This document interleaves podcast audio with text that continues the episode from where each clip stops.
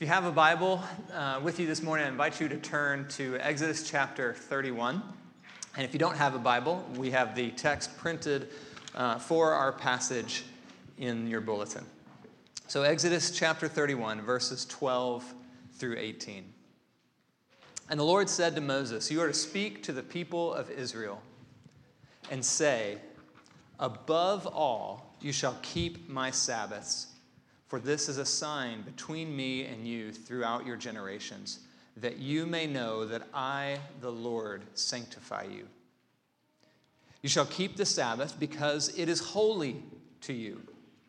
Everyone who profanes it shall be put to death. Whoever does any work on it, that soul shall be cut off from among his people. Six days shall work be done, but the seventh day is a Sabbath of solemn rest, holy to the Lord. Whoever does any work on the Sabbath day shall be put to death.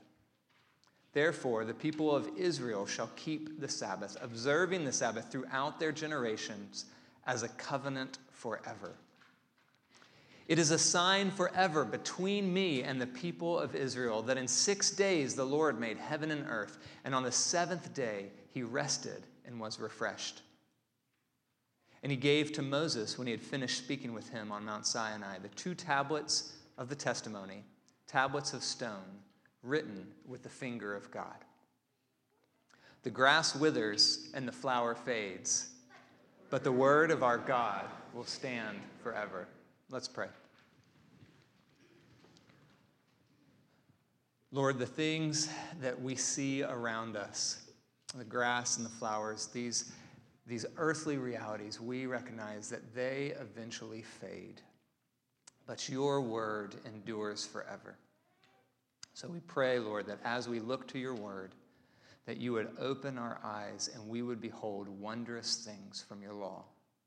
And as we turn our attention to that law, and specifically to this concept of Sabbath rest, would you show us your truth? And in doing so, would you sanctify us after the image of your Son, our Lord, Jesus Christ? In his name we pray. Amen. So, if you've been with us for the past couple weeks, you know that we have been going through the book of Exodus. And we started or restarted this series a few months ago, and we started with the renewal of God's covenant at Mount Sinai. And after that, we've been an extended section on God's instruction to Moses for the tabernacle. So we've seen the very details of how the people of Israel are to worship God in the tabernacle. And uh, in this details, we've come now to the last section of, of the instructions of God to Moses. So this in this passage, if you remember, the, the people of Israel have been pulled out of slavery and they've been taken through the wilderness for a bit and they land at Mount Sinai and then at Mount Sinai, God comes to meet them, and He comes in this cloud and this fire and this terrifying presence. And so the people say, uh, we, don't, we don't want much to do with that. Hey, Moses, why don't you go up there and you talk to God? And so Moses goes and he talks to God, and he comes back and tells them what they have to say. They said, okay, we're still a little afraid. You go back and talk to him some more. And so there's a series of conversations between God and his people through Moses. And this section, our passage today, is the last part of that conversation. So we are closing a major section in the book of in the book of Exodus where God has given specific instructions, the very word of God to Moses. Nate alluded to this last week as Moses is about to come down and he's about to see what the people have been doing while he's been away. He's about to come down off the mountain, and from there we'll go into another extended section on the actual building of the tabernacle. But this is the last of the conversation. So we've seen a lot of different things, a lot of different concepts. We've talked about things from, from the, the building of the tabernacle, of how we're supposed to worship, how we know who God is, what God is like. We've looked at topics like ordination and prayer and humility and holiness and the arts. And today, we close that section with the covenant sign, the sign that God is giving to his people. This is the last of these conversations. And as we look at what that sign is, we see the sign that God gives to his people to, to commemorate this covenant, this agreement that he has with them. The sign that God gives them is the sign of rest. That's what God gives to his people. That's what he says. Of all the things that I've done for you, all the things that we're going to do together, here's how I want you to signify and make a sign for you and for your children. I want you to rest. So, the primary response to the covenant of God here in Exodus 31 is rest. Now, you may not have picked up on that in the first reading, but it's because this, the word that we use to describe it is this religious word. We use the word Sabbath. You definitely heard that, that word repeated several times. It's used six times in our passage today. And this is one of those, those specific religious words that we use, right? For my, for my language nerds out there, and I know I have a few language nerds here, you are among friends here. Uh, that word is what we call a transliteration. And transliteration is just a way of saying it's, it's what we do is we take a word that we don't really know, or we may know, and instead of translating it into our language, we just use our alphabet to sound like it. And so the word is a transliteration of the Greek word, Sabbaton, which is just a transliteration of the Hebrew word, Shabbat. And so when we say Sabbath, we just have a transliteration of the concept. Well, interestingly, the, the word is pretty easy to translate. So we don't, we don't have to use the word Sabbath. The word simply means rest. And we see it here in our passage. If you look at, uh, I believe it's verse 15, you notice that there's a, there's a phrase there. Is, the phrase is a Sabbath of solemn rest. And a, a more literal, or not literal, but a more word for word translation of Sabbath of solemn rest is it's a Sabbath of Sabbaths. And so this word, Sabbath, simply means rest. And we see it repeated seven times in this chapter, in this, in this, even not even in the whole chapter, in this small passage of Exodus 31. So we're going to look at the concept of rest as a response to God's covenant, the concept of rest as a covenant sign. And when we do so, we're going to see four things. We're going to see rest as a response to God's covenant. We're going to see some reasons for rest. We're going to look at what happens when we don't rest. And we'll close our time talking about finding rest in God. So, four things for today Sabbath rest as a response to God's covenant, reasons for rest, what happens when we don't rest, and finding rest in God. So, first, oh, wait, a quick aside before we dive in. Quick aside. Uh, if you've been with us for these past weeks, you know that some of these chapters, the language has felt a little weird on first reading, right? It's been a little hard to connect to. Some of these chapters, as we've gone through this explanation of the tabernacle, have been difficult for us to understand what in the world does that have to do with me? What does a lampstand in the tabernacle have to do with me? Well, I think as we look at this particular passage, we don't have uh, near the struggle to understand what that has to do with me. And the reason is, is because in our current context, in our lives, we long for rest. There's a reason we long for rest. I took a look at the US Bureau of Labor Statistics to see if I could find out what the average American life looks like. And so, according to the uh, US Bureau of Labor Statistics, the average American is a woman, and she works eight to nine hours a day. And in addition to working eight to nine hours a day, she does about two hours of household work around the home. And because we're in America, the average American woman also seems to find ways to squeeze in about four hours of television and she spends up to about two hours on her phone. Now, when I'm saying she, this includes you two guys, this is just the average. So, just in that, just in work, home, and television or recreation, we spend 15 hours of our day in America going. And that doesn't include time with our kids, time with our friends, trying to squeeze in time for exercise, Time in a city like Bellingham on a day like today to go outside and enjoy the day. Doesn't include any of that. So we are a people who go and do and are on the move. And we are a people that can connect to a passage that is about rest. So my prayer is today that as we look at rest in Exodus 31, we will see how it connects to our lives. And we'll see both our need for it and we'll see God's provision for it. So, looking at chapter 31, first we're going to take a look at the response, rest as a response to God's covenant.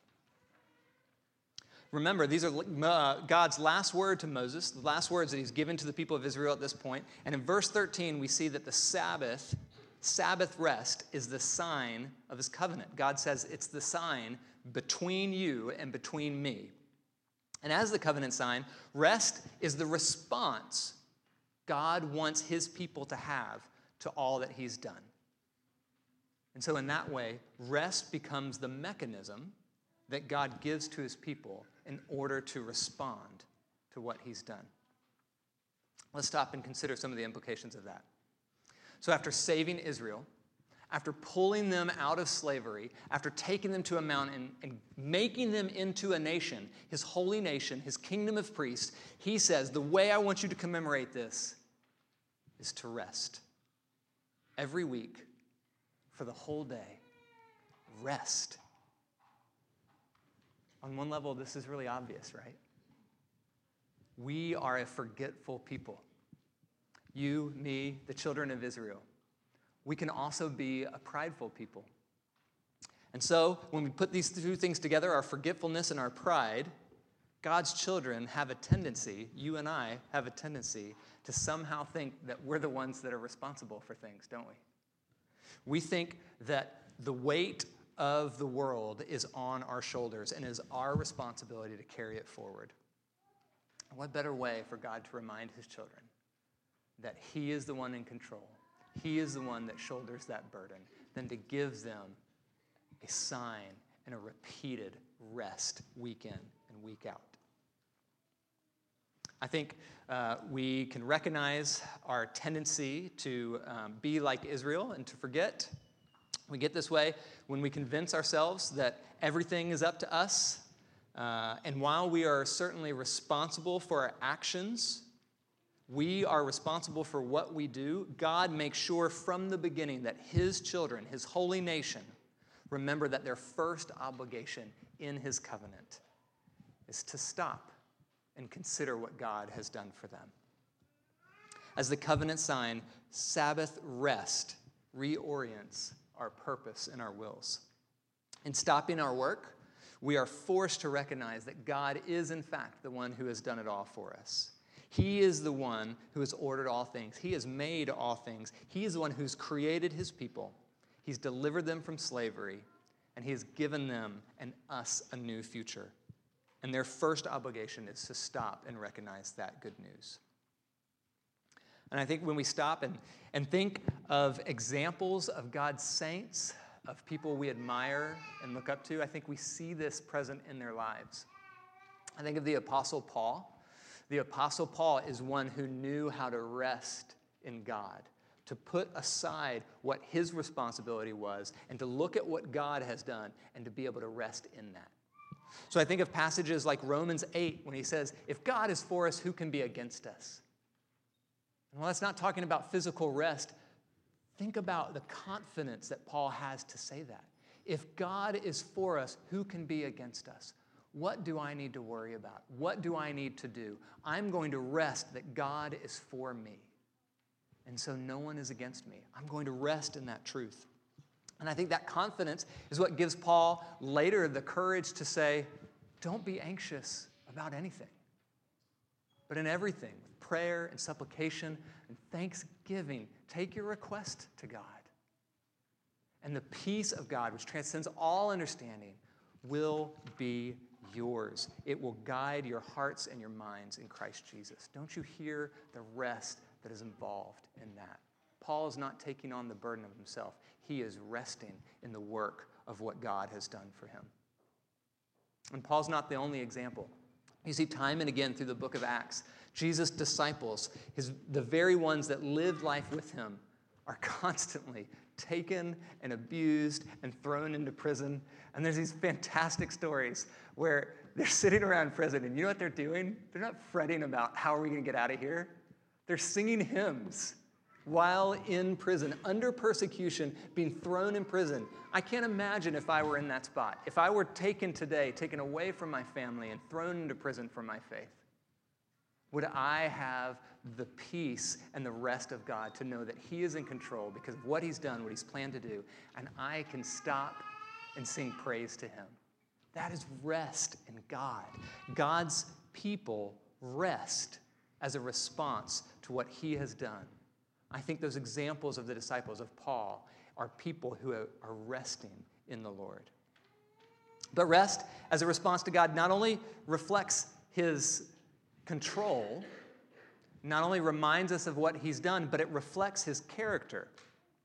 Notice in verse 17 Sabbath rest is a sign forever between me and the people of Israel that in six days the Lord made heaven and earth, and on the seventh day he rested and was refreshed. So the children of God, the children of Israel, rest because God rested. We rest because in some way God in heaven and earth rested. So, physical rest is a picture both of his control, but it's a picture of his character, of who he is. Now, we don't know exactly what it is, what it looks like that God rested. We can't say, well, God rested, it means X, Y, and Z.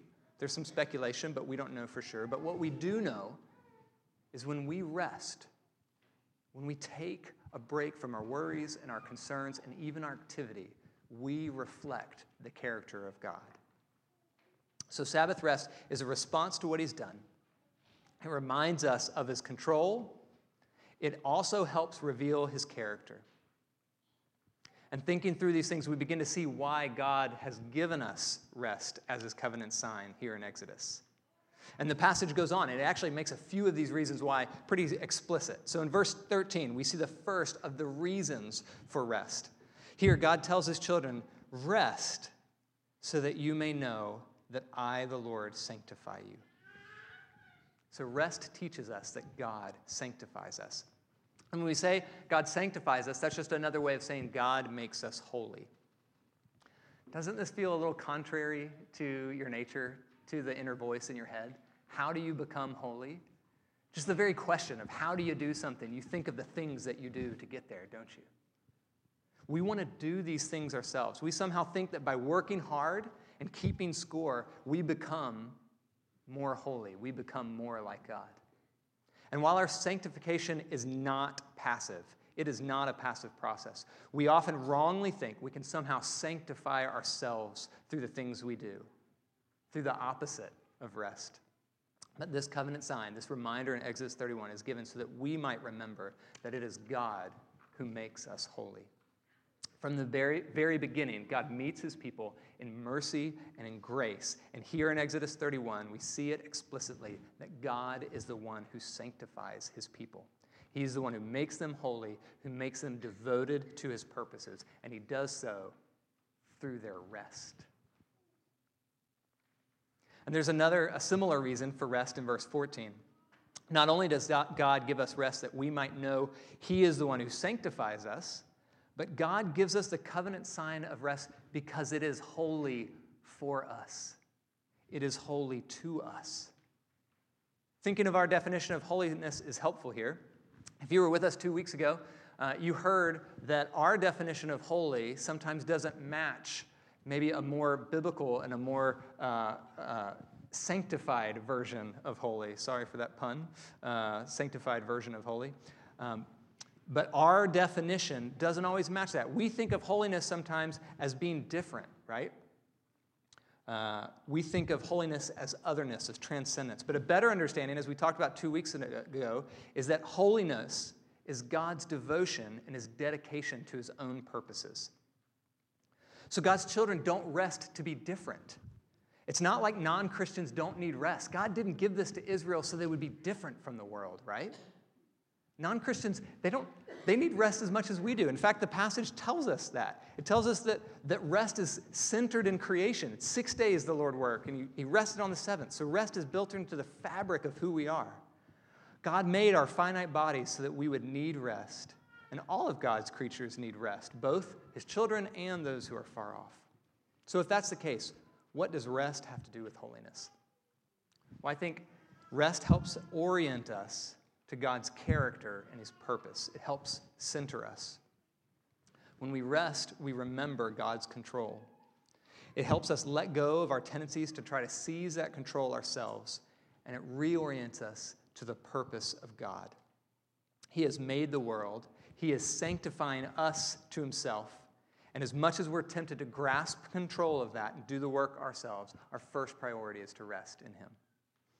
When we rest, we are able to let go of all those competing priorities, of all the tasks we need to do, our concerns, our successes, and our failures. And when we let go of those things and when we rest in God, we demonstrate to the world and to ourselves that our strength does not come from us. Our strength comes from the Lord. When we rest, then, we not only become more aligned to God's purposes, that is, not only are we sanctified, made holy by God, but we show ourselves to be devoted to Him and to what He's doing. And in that way, we demonstrate holy. Rest is holy to us. And while there are many other reasons for rest, uh, the two highlighted here in Exodus 31 remind us that God is the one who makes us holy. And by our very rest, our ceasing of action, and our trusting in Him, we demonstrate our devotion to Him. And if these are the reasons for our rest, if this is why we rest, we can then ask the next question is what happens if we don't rest? And our passage gives us specifically at least three implications, three consequences if we don't rest. If we don't rest, we're separated from each other, we're separated from God, and ultimately we die. So, first, if we don't rest and when we don't rest, notice in verse 14 our passage tells us that anyone who does not who does any work on the Sabbath will be cut off from his people. Now I think when you and I read that, we might be tempted to see this as a culturally specific law, right? You know, we don't we don't put people to death for profaning the Sabbath today, and that's a good thing. So we might tend to like, oh, that was something that Israel did. But it's as with everything that we've seen through this tabernacle, God's word is eternal and it is enduring and it speaks to us today. And I think this one, actually, when we step back and we look at it, it's fairly obvious, right? When the, the reason that the people are cut off for not keeping the rest is because that's exactly what happens in our lives. Don't you experience this? When you're going when you're going day to day, you have so much to do that you can't stop, and you're running from commitment to commitment to work to work to even recreation to kids' practices to things at home to family commitments, and you lay down your head and you barely have enough time to find six hours of sleep at night. Do you feel connected to the people that are most important to you in those days? I think when we run ourselves, when we commit ourselves, and when we don't rest, we lose connection with each other. But not only are we separated from each other when we don't rest, we are also separated from God. Breaking the Sabbath for the people of Israel was a sign of rejecting God's covenant. The rejection described in our passage, this rejection, uses specific language, and that language is meant to remind us of an earlier story. So in verse 14, the phrase is a recognizable one, even if we didn't catch it uh, in, in our, our ESV translation, in our bulletin today says, Everyone who profanes it, everyone who profanes the Sabbath, shall be put to death. And that, that phrase, shall be put to death, it's identical language to what God, the prohibition God gave Adam and Eve in the garden. And when he said, Anyone who eats from the tree of the knowledge of the good and evil shall surely die. And that's the same wording here. Anyone who profanes the Sabbath, anyone who doesn't rest in the Sabbath, shall surely die. In this way, profaning the Sabbath, that is, not resting in the work of the Lord, causes a similar separation as to what Adam and Eve experienced in their sin in the garden. When we try to live life on our own, we don't recognize what God has done for us, when we don't trust and rest in that work, we separate ourselves from Him. And ultimately, just like in the Garden of Eden, when that happens, that separation leads us to death. The wording here in Exodus 31 makes it specific. When someone broke this covenant, they were actually put to death. And as severe as that punishment sounds to our modern ears, it was the same with Adam and Eve, and it's the same with you and me. When we don't live life in according to God and His truths, we turn from life towards death. When we don't rest, our ultimate consequence is a type of death. And we feel this physically, right? I feel it every night. Every night, I'm tired and I need to rest. I've seen people, and I've even heard the phrase when people have been running themselves ragged, someone might say, Yeah, you kind of look like death right now. It's because we need a physical rest. Our physical bodies shut down each day as a reminder of our need for God. And this physical barrier points us to the underlying spiritual truth that we cannot live apart from God and apart from what He has done. God made this a cultural, religious reality, a specific law for the people of Israel here in, in Exodus 31. But the spiritual reality is just as true today. Without the Lord, we are making our way to death. And without rest, we cut ourselves off from Him and we eventually die. So, recognizing the importance of rest and seeing the reasons for it, and what happens when we don't rest. What's our solution? What do we do? Well, the only way forward is to find rest in God. For as we've seen already, this idea of Sabbath isn't just a sign for Israel.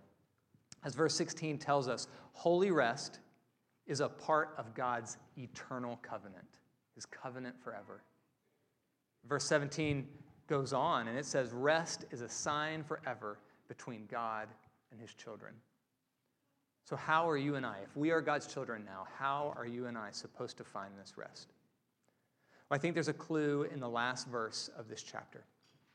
Verse 18 ends this section and tells us that after God had finished speaking to Moses, he gave him the two tablets of the testimony, tablets of stone, written with the finger of God.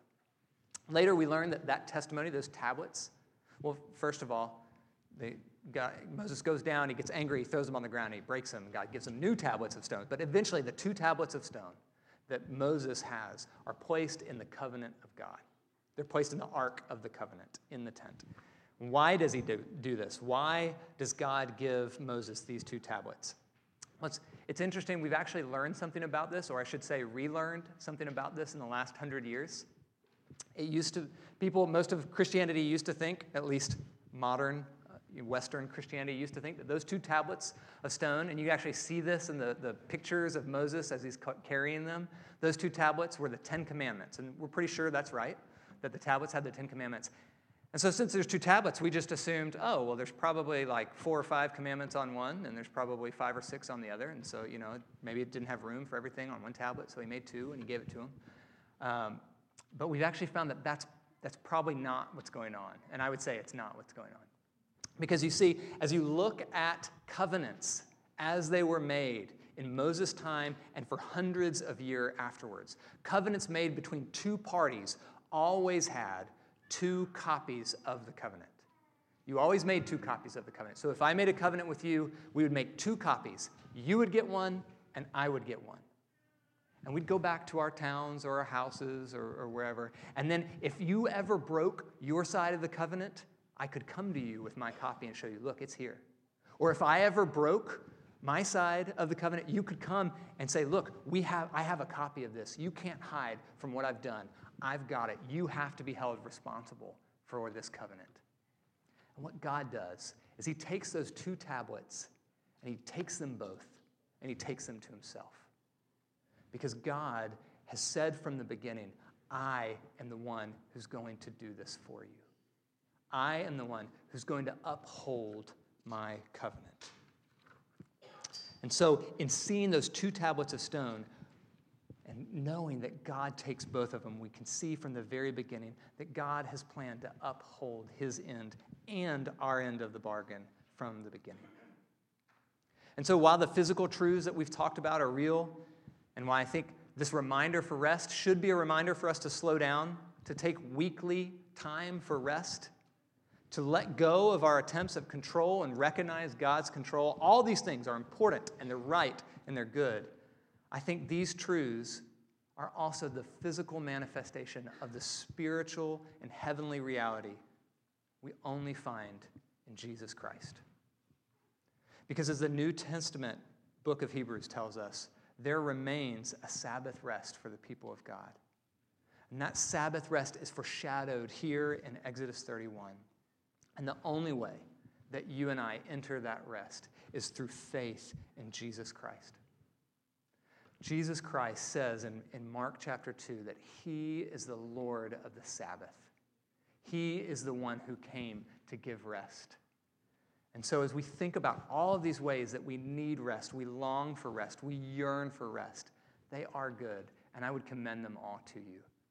But ultimately, we are going to fail on our end of the bargain, and we need His help. We need the Lord of the Sabbath. So, if you are weary today, if you find yourself longing for that rest, whether it be physical or spiritual rest, hear these words of Jesus Christ, the Lord of the Sabbath, who says, Come to me, all you who labor and are heavy laden, and I will give you rest. Take my yoke upon you and learn from me, for I am gentle and lowly in heart, and you will find rest for your soul. Brothers and sisters, that is the Sabbath rest that is available for us today. Look to Christ, trust in Him, and find in Him the rest you long for. Let's pray. Lord, thank you for reminders of our finiteness and of your eternity. And thank you for reminders that you are the God who made heaven and earth. You are the God who chose a people to be your possession, who made them into a holy nation, to a kingdom of priests. And you are the God who has given them rest in Jesus Christ. Would we rest in that good news? Would we place our faith in Him and know that all of our striving apart from you is nothing? And all of the work that we feel we need to do has been accomplished on the cross of Christ, and we can rest in that good news. Lord, would you make that a reality for us today? We ask in his name. Amen.